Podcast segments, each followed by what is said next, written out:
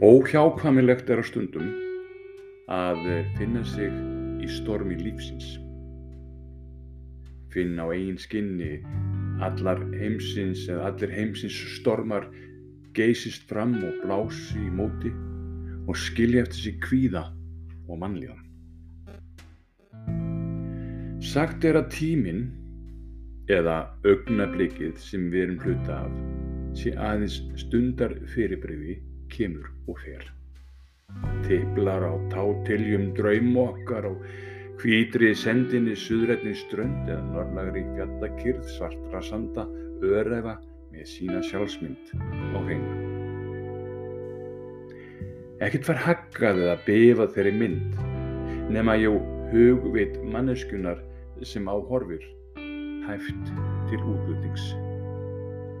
Náttúran pósar eins og feimin stelpa strákur sem roðna niður í hársrætur, veit ekki sitt rjúkandi ráð að hausti.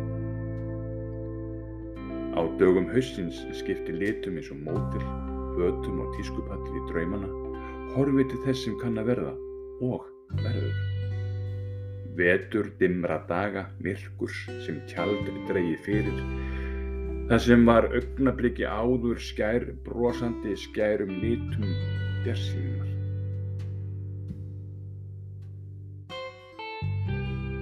Haustið, þessi dagurinn, hósta rauðum og gulum löðblöðum áður lofandi græn spors og sumars fyrir fáinu missurum.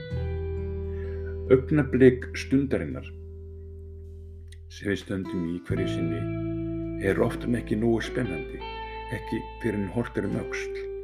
Þá horfið það öðruvísi við. Haustagar skóla vinnu oftar en ekki á raungunni eins og lífið er stundum. Þú manst ekki eftir mér.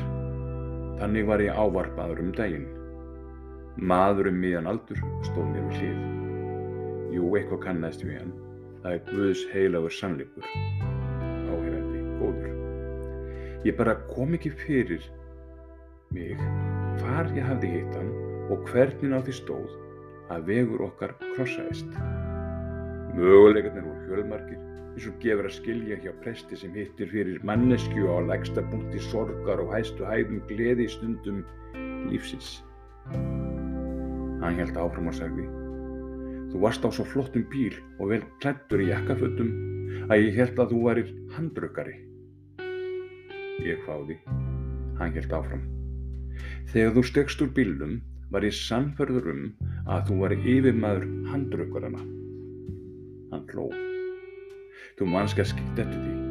Þú komst heim til mín, látið mig vita að sónu minn, að sónur minn var í látin. Þú varst þá presturinn og ert enn, sagðan og sló létt á baki mér. Upp í huga minn þyrlaðist hugsunin að ég hef verið ígildi hussin sem boðberi kulda dims vetrar.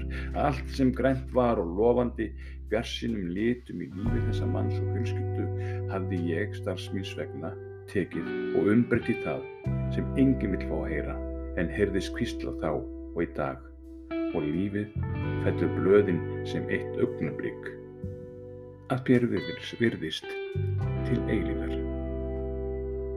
Við sem eigum að koma til vits og ára eða mið er tekið að árunum vitum að lífið er ekki glansmynd sem kliftir úr bladi og límt í úrklippu bók drauma okkar þar sem aðeins rúmast það sem við vildum eða teljum ykkur trúum að lífið snúist um. Hvert og eitt okkar höfum krossa að bera. Það er ekkert með trú eða trúleysi að gera.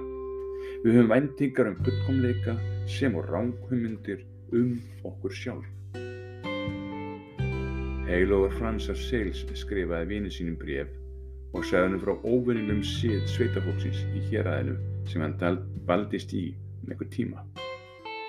Hafðan orðið, orðið þess áskinja þegar sveitafólkið sótti vatn í fötur í brunnin í miðju þorslins, setti það viðarbút ofan í skjóluna.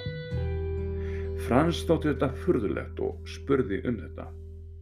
Viðmeldi hans ungstúrka horfði forviða á hann eins og ekkert væri sjálfsagara, segði svo Hvers vegna? Nú auðvitað vegna þess sem minnst af vatninu farið spillis. Viðarbúturinn stillir vatnið. Frans endaði bref sitt til vinna síns með þeim orðum þegar hann fyndi til streitu og hjartað hamaðist og stormar geistust í huga skildi hann setja kross yfir hjarta sitt aðgæta hvort ekki kemi kyrð í hjarta og huga.